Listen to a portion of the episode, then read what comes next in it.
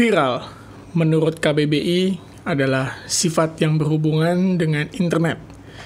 Lebih tepatnya, untuk menggambarkan sesuatu yang sangat cepat menjadi populer di kalangan semua pengguna internet atau netizen dengan cara mempublikasikan atau mengirim sesuatu seperti foto, video, atau informasi lainnya.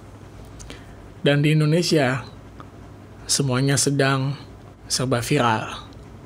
So, seberapa jauh virus ini menggambarkan dan menjangkiti semua landscape kehidupan masyarakat di negeri ini? Well, welcome to Random Podcast.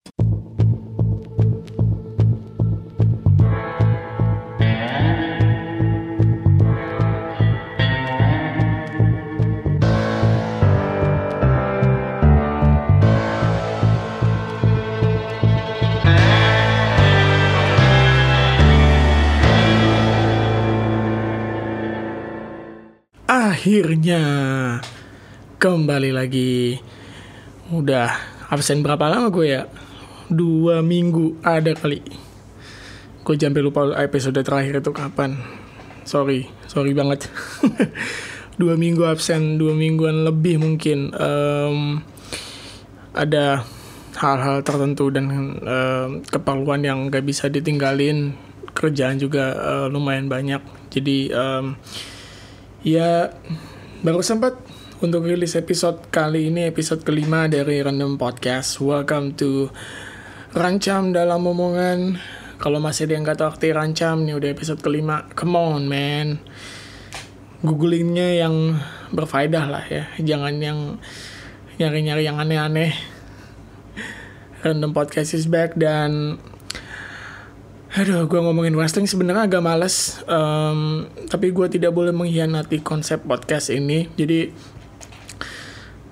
dari wrestling gak ada yang baru. Um, apa yang baru ya? Oh paling ini doang. Um,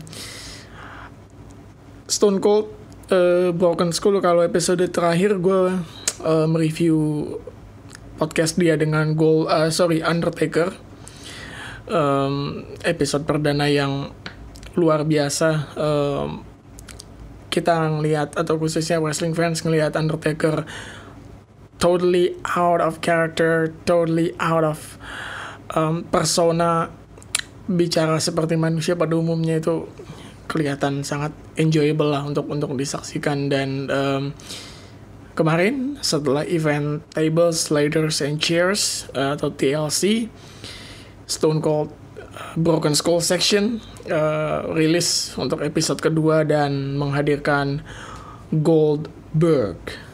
Kurang lebihnya um, ya episode yang mengasihkan juga cuman landscape dan background ceritanya tentunya berbeda dengan apa yang uh, didapat ketika Stone Cold mewawancarai uh, Undertaker. Sebelum ke situ, gue ingin menarik membahas um, SmackDown dan Raw uh, update terakhir walaupun nggak gue jujur gak mengikuti dua minggu berarti empat episode terakhir dari dua Monday Night Raw dan dua Friday Night SmackDown tapi kurang lebih yang gue dapat di sini adalah um, The Fiend Bray Wyatt yang saat ini masih menjadi Universal Champion um, mendapatkan tekanan dari tiga pegulat sekaligus. By the way, sekarang kontendernya ada The King Corbin atau Baron Corbin, ada The Miz dan bisa dibilang nih kalau bahasa wrestlingnya rejuvenated atau repackaging dari seorang Daniel Bryan. Jadi tiga kontender akan bersaing satu sama lain untuk menjadi the real number one contender untuk Bray Wyatt di um, perebutan Universal Championship yang rumornya adalah di Royal Rumble tahun depan Januari 2020 so ya patut ditunggu seberapa seru hype-nya. Terus dari Raw gak ada yang terlalu menarik sih. Paling perseteruan Randy Orton dan AJ Styles kembali um, terpercik uh, di beberapa minggu terakhir plus uh, tag team divisionnya juga lagi cukup uh, memanas. The Viking Riders bertarung melawan uh, DOC jadi Randy Orton ada di timnya. The Viking Riders dan AJ Styles tentu aja membela tim DOC Seth Rollins turn heel atau menjadi jahat dan bergabung atau dalam tanda kutip meng-hire dari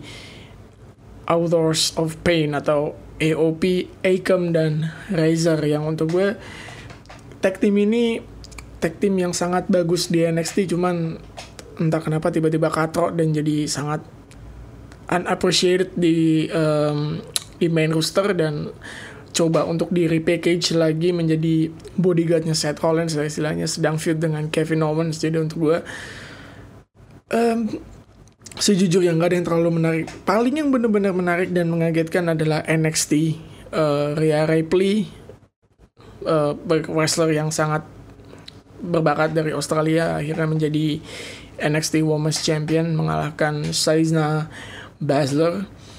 Untuk gue ini sebuah revolusioner sekaligus tanda bahwa Shayna Baszler bisa aja menjadi uh, debutan di main roster antara Royal Rumble atau bahkan WrestleMania. So, we'll find out what's gonna happen next and NXT dan perseteruannya dengan AEW terus uh, seru dan dua episode terakhir NXT uh, versus uh, AEW atau All Elite Wrestling yang gue dapat uh, datanya secara garis besar udah mulai unggul udah mulai unggul walaupun secara demografis dari yang gue dapat uh, data dan infonya WWE cuma baru bisa menang di uh, demografis usia 45 tahunan ke atas sedangkan usia yang lebih muda sampai yang uh, ya peak masih menangkan oleh All Elite Wrestling.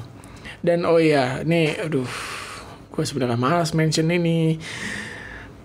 Ini Monday Night Raw lagi bikin storyline kacau banget nih antara Lana Rusev sama Bobby Leslie udah gue nggak tahu udah sebulanan mungkin kayaknya tapi gosh ini storyline kacau banget. Nggak jelas arahnya ke mana. Eh, gini gini gini. Stone Cold dan Undertaker serta beberapa pegulat lain tuh sempat mention bahwa WWE sekarang tuh hilang apa ya kehilangan identitas kehilangan feelingnya di mata penonton tuh karena nggak ada sesuatu yang bisa mengengage istilahnya nggak ada sesuatu yang bisa mengikat emosi penonton. Tiba-tiba storyline Katro ini muncul. Lana uh, entah lupa gimana ceritanya si Rusev lagi tanding sama siapa. Tiba-tiba si Lana muncul dengan Bobby uh, Bobby Leslie dan ciuman di uh, apa namanya di main ramp atau di arena apa di layar sebelum masuk ke arena. Dan sejak itu storyline ini pff, arahnya ke mana juga juga nggak ngerti.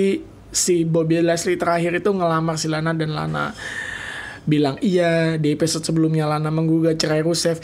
Ini gue antara Monday Nitro atau katakan putus gue nggak tahu lah ini. Ah viewnya ke mana aduh gue males tapi kalau nggak ngomongin ini kontennya dikit ya jadi ya gue nggak tahu lah semoga Dewi Dewi cepet tobat untuk cari alternatif lainnya dari storyline bapuk dan uh, katro ini. Dan info lainnya uh, The New Day Kofi Kingston uh, terus Xavier Woods dan Big Langston memperpanjang kontrak 3 tahun di WWE atau mungkin lebih karena multi year extension di sini tulisannya.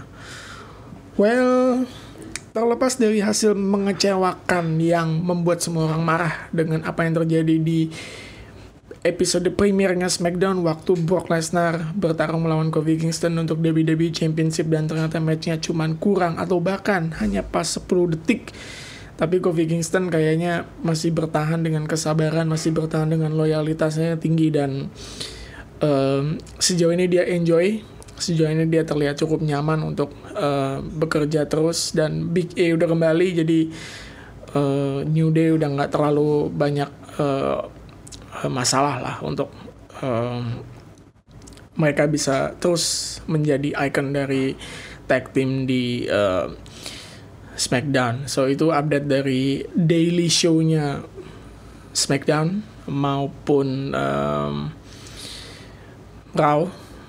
Gue males untuk bahas seterusnya apalagi Lana Rusev Bobby sih, masya Allah nggak nggak mau bahas lagi itulah.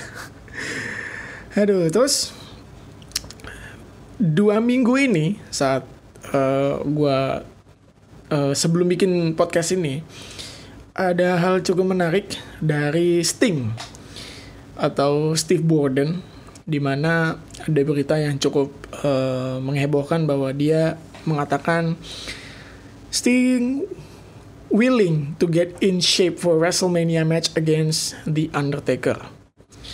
Well, kurang lebih Sting itu masih uh, ingin uh, memperbaiki kondisi tubuhnya dan kembali ke performa terbaiknya untuk menghadapi The Undertaker di uh, WrestleMania.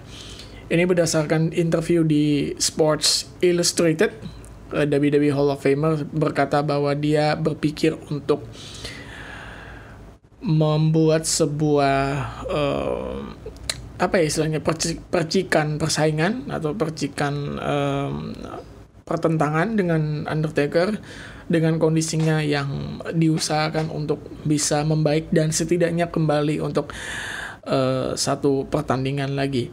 Di sini dia bilang bahwa kurang lebih uh, bottom line-nya adalah jika saya punya kesempatan untuk sembuh dan orang-orang ingin saya bertanding satu kali lagi, saya mau. Tapi saya cuma mau untuk satu orang, satu pertandingan, dan satu tempat. Dan orang itu adalah Undertaker. Tempatnya adalah WrestleMania. Um, baik di YouTube di Instagram dan Twitter beragam tanggapan. Kalau gue sebagai um, bukan expert ya gue nonton wrestling langsung aja belum pernah itu cuman penonton via YouTube dan uh, sosial media. Cuman sebagai fans Undertaker gue merasa sah-sah aja. Dia juga legend Sting punya hak untuk ngomong kayak gitu. Um, masalahnya kan Sting ini cedera bukan karena atau sorry Sting pensiun bukan karena keinginan pribadi dia untuk benar-benar go off the sunset istilahnya. Tapi dia dipaksakan untuk cedera karena waktu dia bertanding dengan Seth Rollins di Clash of Champions 2015 buat uh, eh, WWE World Heavyweight Championship saat itu. Setelah itu Sting cedera leher bagian pundaknya juga bermasalah um, dan 2016 dia diinduct atau dimasukkan dalam jajaran Hall of Famer di WrestleMania 32 secara uh, aklamasi sih dia bilang di Hall of Famer uh, 2016 itu dia bilang secara uh, timing dia memutuskan untuk berhenti dan pensiun sebagai um, pegulat dan berhenti bergulat lagi. Tapi dia bilang this isn't goodbye it's just see you later. Gue sih menganggap itu sesuatu yang maknawi dan mendalam bahwa bisa aja ini cuman istirahat sementara dan Sting suatu saat pasti akan kembali. Toh juga benar Sting kembali walaupun memang tidak bertanding. Waktu SmackDown edisi mengundang Hogan dan ulang tahunnya Ric Flair. Tahun lalu eh sorry. Tahun ini tapi waktu sebelum WrestleMania di mana saat itu dimulai storyline-nya Batista dan Triple H, Sting hadir di sana, datang tapi tidak terlalu disorot banyak, hanya memang diumumkan. Um, tadinya juga dijadwalkan hadir di SmackDown Premier waktu di Fox tapi ternyata nggak hadir, Undertaker juga bahkan nggak hadir. Um, dan sekarang Sting keluar dengan statement ini banyak yang menganggap bahwa Sting memang masih punya niatan untuk bertanding satu lagi uh, pertandingan atau satu match lagi. Cuman masalahnya is he still capable or is he still okay for uh, wrestling for one more time? Karena usianya correct me if I wrong 3 atau 4 tahun lebih tua dari Undertaker. Jadi kalau Undertaker 55 Sting 59 20 60 tahun. Well uh, bisa nebak sendiri lah kondisinya kayak apa bisa di googling sendiri. Cuman we still didn't know what's gonna happen in the future. WrestleMania tinggal beberapa bulan lagi April April 2020 di Tampa Florida dengan konsep bajak lautnya itu. Jadi kita lihat apakah uh, Sting benar-benar akan merealisasikan keinginan pribadinya ini dan apakah Undertaker menerima? Itu yang yang menjadi pertanyaan. So kita tunggu update berikutnya dan mungkin lo akan dengar update-nya dari gue hanya di uh, random podcast. Terus kemarin episode dari Broken Skull Session episode kedua yang digawangi oleh Stone Cold the baddest SOB in the WWE menghadirkan Goldberg. Orang yang sebelum ada streaknya Undertaker dia lebih dulu yang lebih ikonik dengan streak yaitu 173-0 uh, dalam kurun waktu dua setengah tahun.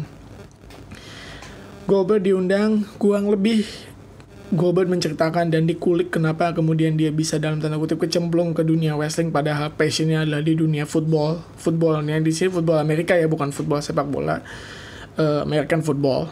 Uh, dia passionnya di situ tapi tiba-tiba uh, malang melintang di klub dan banyak hal yang kemudian membuat banyak keputusan dan banyak hal-hal yang harus dia ambil sehingga dia kemudian makin meredup karirnya dan tiba-tiba ada yang menawarinya gimana kalau lu bergulat? Toh badan lu keren kok badan lu bagus gitu. Dan Goldberg kayak oke okay, gue coba.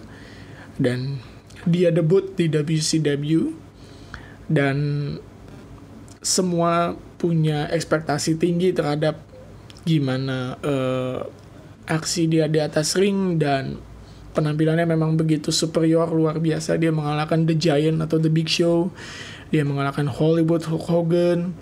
Dia mengalahkan ya, Razor Ramon. Dia mengalahkan Sting. Dia sempat mengalahkan Kevin Nash sebelum akhirnya Kevin Nash adalah orang yang menghentikan streak dia di angka 173-0 um, Sting pun sedikit memberikan tanggapan di kayak Q&A cepet gitu bahwa dia berutang resep atau dia berutang gue nggak tahu resep dalam hal ini eh, apa ya karena orang Amerika tuh kalau diskusi tuh suka membawa hal-hal yang harfiah yang kita orang Asia tuh kadang-kadang nggak nyampe. Gue juga jujur nggak belum begitu ngerti gue masih mencari-cari apa artinya. Cuman mungkin gue punya rasa bersalah yang mendalam atas match yang banyak mungkin mengklaim kalau WWE bikin polling what is the worst match in 2019 semua akan bilang Goldberg versus Undertaker Super Showdown uh, eh, 2019 yang di Arab Saudi kemarin. Itu match yang unexpected uh, satu sisi unexpected booking itu positif karena gak ada yang nyangka bahwa Goldberg Undertaker akan benar-benar terjadi tapi hasil matchnya juga unexpected. Lebih parah unexpectednya itu unexpected yang negatif bahwa Goldberg dan Undertaker benar-benar kelihatan eh, seperti apa ya dua orang aki-aki pati jompo yang kayak rebutan gigi palsu terus disuruh tanding dengan cuaca yang panas. Saat itu banyak yang mengaku nggak bisa bermain maksimal atau nggak bisa bergulat maksimal karena cuaca di Arab panas. Dan ya alhasil bisa lo lihat sendiri lah di YouTube dan beberapa artikel bahwa match itu banyak yang mengklaim sebenarnya nggak tega untuk ngomongnya tapi mau gimana memang layak disebut sebagai the worst match in 2019 hasilnya dua legend ini dapat satu penampilan ekstra. Masing-masing. Goldberg tanding di SummerSlam melawan Dolph Ziggler. Um, unexpected menurut gue kenapa milih Dolph Ziggler. Ternyata Dolph Ziggler yang meminta untuk melawan Goldberg karena dia ngefans dengan Goldberg dan Goldberg kayak oke okay, I'm fine uh, I'm gonna do some uh, redemption for my bad performance before.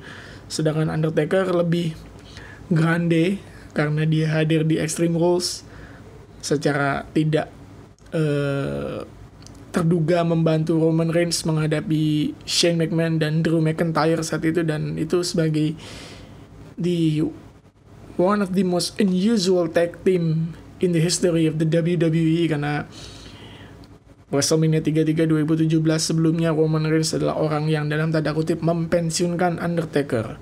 Tapi di 2019 di Extreme Rules kemarin justru Undertaker membantu Roman dan secara simbolis kalau kalian nonton matchnya dan sampai ke momen after the match itu ada momen di mana Taker dan Roman berhadapan dan Undertaker menepuk pundak kiri Roman kayak dan sambil ngomong this is your yard itu momen emosional dan menurut gue itu kayak oke okay, that's it. That was the passing of the torch moment untuk Taker menyerahkan tampuk atau tongkat estafet kepemimpinan secara menyeluruh dari WWE baik itu di locker room maupun di backstage dan juga untuk menjadi seorang main eventer Undertaker kayak oke okay, waktu gue udah selesai legacy untuk the next big dog gue kasih ke lu itu yang mungkin dia ingin bahasakan atau uh, pesankan kepada Roman Reigns. Dan untuk kita sebagai wrestling fans dan untuk gue itu adalah sebuah hal yang positif gitu. Sampai kita lupa kalau kita pernah benci Roman Reigns sampai subun-ubun setelah apa yang dia lakukan di WrestleMania 33 so setelah ini ada topik random lainnya. Stay tune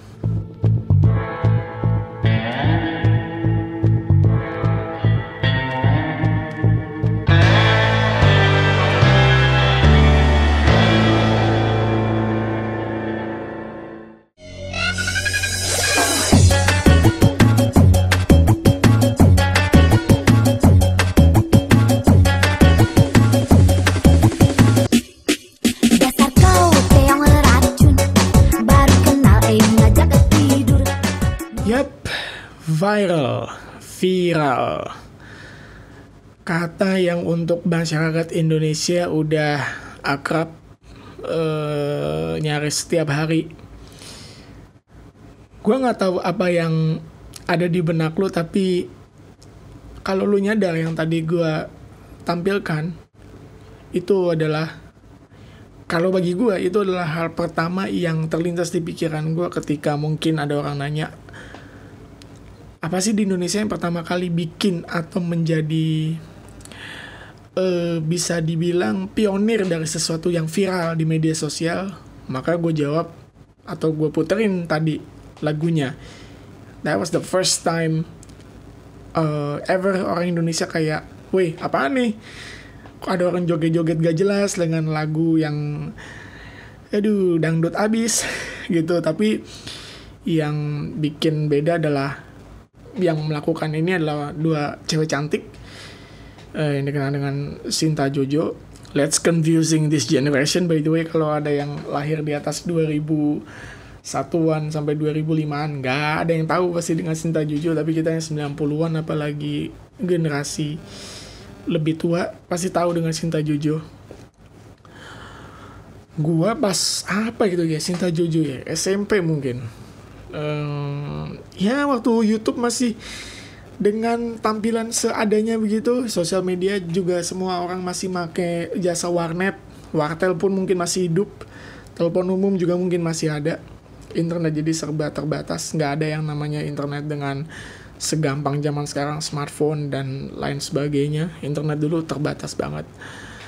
Dan viral menjadi sesuatu yang sangat magic di masyarakat Indonesia karena lambat laun viral menjadi pintu masuk untuk orang-orang mendapatkan rezeki dan hokinya untuk mendapatkan masa depan yang tanpa diduga mereka menjadi orang yang berpengaruh. Um, ada hubungannya dengan challenge gitu atau tantangan-tantangan yang di post di media sosial kemudian jadi viral. Menurut gue itu adalah salah satu cara atau juga pintu masuk menuju demam viral di Indonesia setelah Sinta Jojo banyak kemudian hal-hal lainnya. Dan lu nyadar nggak? Ini kan gue bikin podcast ini dan kita udah memasuki akhir tahun 2019 kan. Sadar atau enggak bahwa kita sebentar lagi akan melewati dekade 2010-an dan uh, timelinenya adalah 2009 dan sekarang 2019 begitu saja 1 Januari 2020 nanti we are about to passing off atau go out from the 2010s era 2009 udah selesai kita udah lewat kita mau masuk 2020 sampai 2030 kalau kita masih punya umur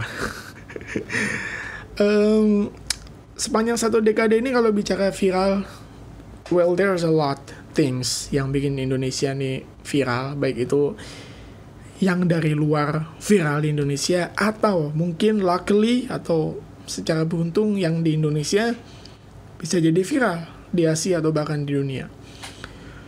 Yang gue inget itu tadi yang paling melekat kalau bicara apa. Yang pertama kali gue inget soal viral di media sosial, ya cinta Jojo, goyang keong racun itu one of the iconic things that all Indonesia will ever remember. Terus uh, challenge joget-joget atau hal-hal yang berhubungan dengan joget anfaidah um, tuh uh, gue nggak tahu lo mau mengingat ini atau enggak tapi gue kemudian ingat joget YKS men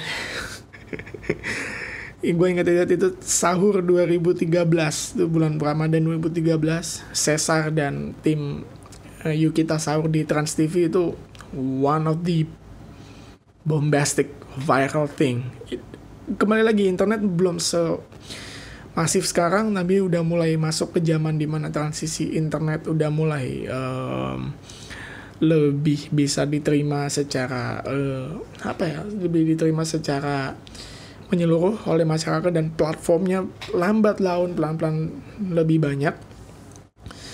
Dan joget sesar itu one of the iconic but at the same time the dumbest thing that we and I've ever done. Karena gue dulu juga senang dan gue dulu bisa joget sesar tapi sekarang kalau disuruh gue dikasih berapapun oh gah makasih. Kato emang. Terus apa lagi ya? Oh Harlem Shake. Remember? Harlem Shake yang kulu terorita. Itu wow. Um, itu bahasa Latin katanya. Artinya kurang lebih kayak gue lupa arti uh, spesifiknya apa tapi terorita itu dari kata teroris dalam Latin. Latin ini kayaknya Latin Amerika Latin Conmebol atau Amerika Selatan uh, dari dari lagu kayak lagu Shuffling dulu kan zamannya joget Shuffling juga dulu viral. Shuffle Shuffle lagunya uh, party rock dari um, gue lupa tuh yang kembar kribo tapi itu Shuffling tuh zaman joget yang cukup viral. Um, Harlem Shake itu one of the bombastic uh, thing juga. Sempat ada SMA gue bikin dan ada di YouTube jadi silakan dicari. Kalau nggak mau dicari juga nggak apa-apa. Tapi kalau yang penasaran generasi sekarang penasaran Harlem Shake itu apa?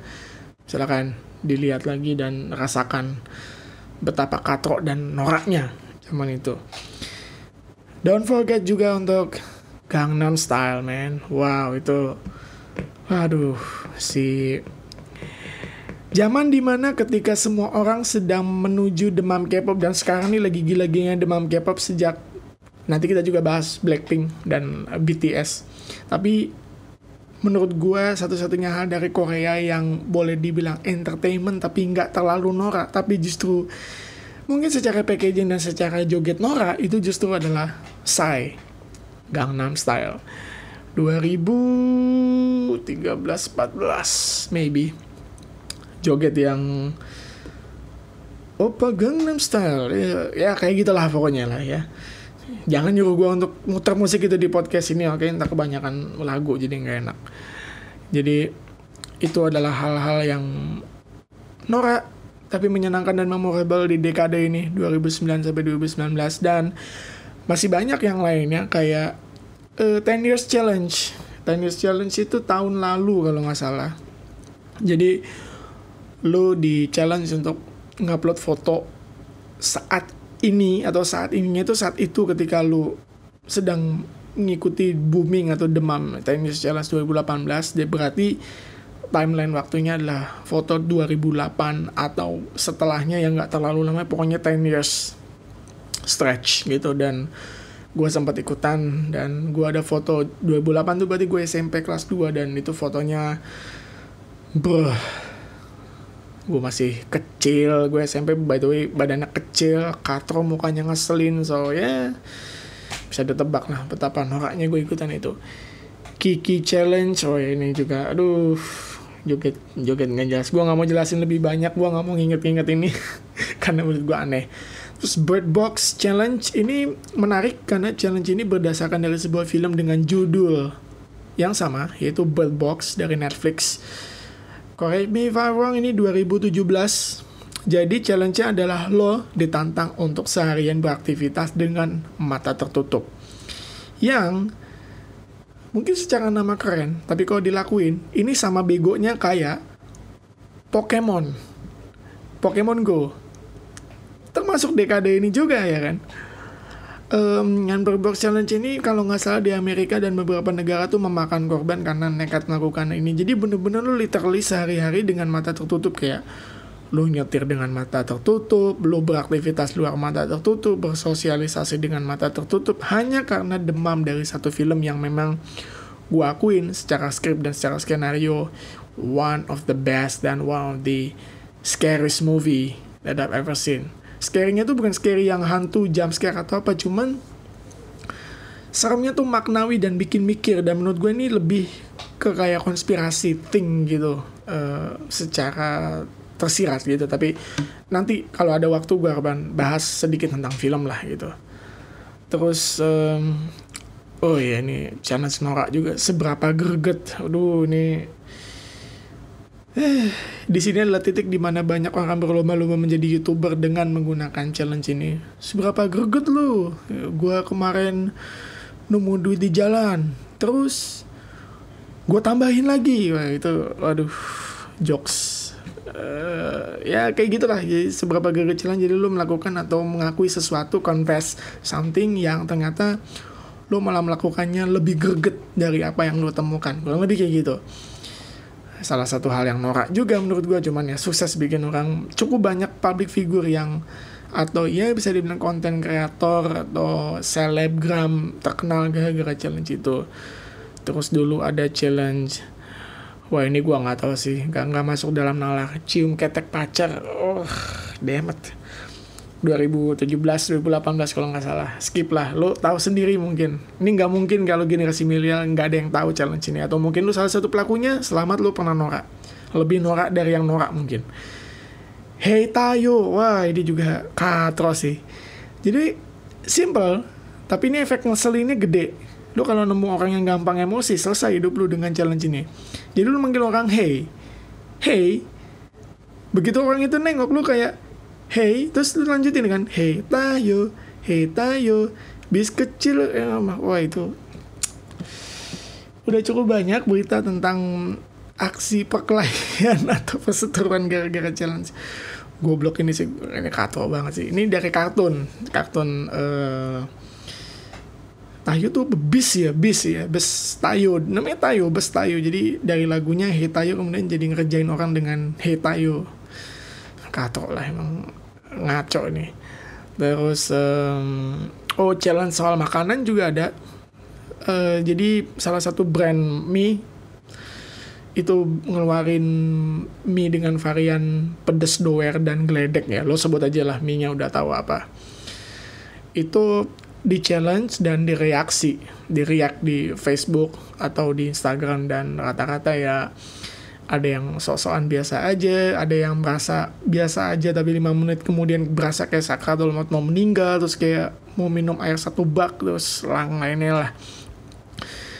Jadi intinya viral necessary or unnecessary menurut gue eh, tergantung satu-satunya challenge di dekade ini yang gue inget dan menurut gue satu-satunya positif sekaligus keren adalah Ice Bucket Challenge. Ini dari Amerika kalau nggak salah. Jadi ini untuk memberikan sebuah semangat kepada penderita sebuah penyakit atau kelainan yang gue nggak tahu, gue lupa nama nama medisnya sebentar sebentar sebentar sampai pokoknya singkatannya itu adalah ALS gitu. Jadi challenge ini untuk mengapresiasi atau memberikan semangat untuk penderita kelainan yang uh, oh nih nih uh, kepanjangannya amyotrophic lateral sclerosis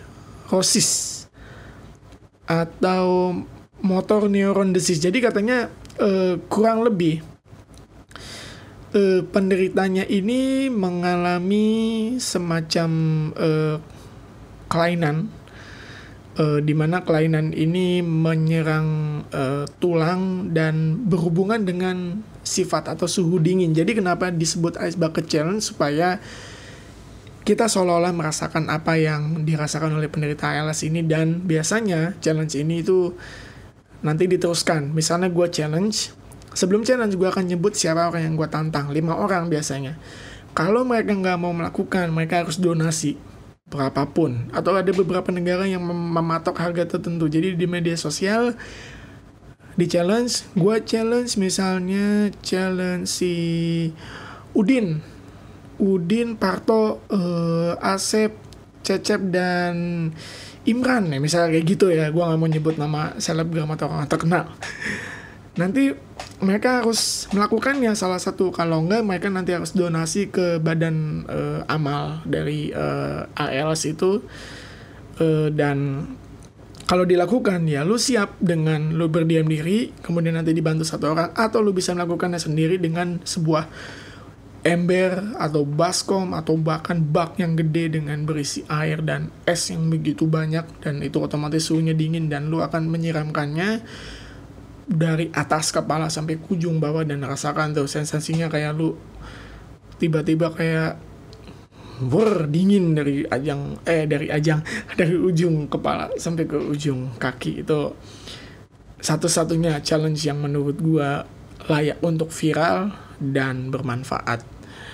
Um, bertahan beberapa lama uh, dalam hitungan bulan dan gua rasa challenge-challenge kayak gini sih harus mungkin diperbanyak dengan penyakit-penyakit lainnya. Tapi aneh sih kalau misalnya apa diabetes challenge atau heart attack challenge ya oke okay, skip skip udah mulai ngaco oke okay? jadi intinya viral adalah sesuatu yang menurut gua tergantung uh, perspektif dan tergantung positioningnya di mana. Kalau lo viral hanya untuk sekedar terkenal, kayak misalnya TikTok atau Instastory yang nggak penting, uh, apalagi TikTok yang mohon maaf, cewek-cewek telanjang minta like atau minta apa pun, ya terserah lo. Gue sih nggak munafik. Ya yang kayak begitu emang seksi, cuman penting atau enggaknya menurut gue ya nggak penting banget gitu loh malah kayak gitu mengundang niat jahat orang atau mungkin ya makin banyak cowok yang nggak polos nanti di Indonesia jadi ntar susah buat cewek yang baik-baiknya ke cowok yang baik-baik karena semua cowok baik-baik akhirnya kecemplung dengan hal-hal yang gak baik kayak tadi. Cewek-cewek TikTok dan uh, Snapchat atau whatever you call it lah. Oke okay. sekian itu aja episode 5 ini. Udah cukup uh, rumit dan random isinya. So Thanks for listening dan tunggu episode-nya dari Random Podcast. Podcast ini udah makin rame platformnya, ada di Spotify, ada di Google Podcast, ada di Anchor juga dan podcast-podcast lainnya. Apple Podcast on the way. Jadi tunggu untuk ada di Apple Podcast-nya, oke? Okay? My name is Akris and this is Random Podcast.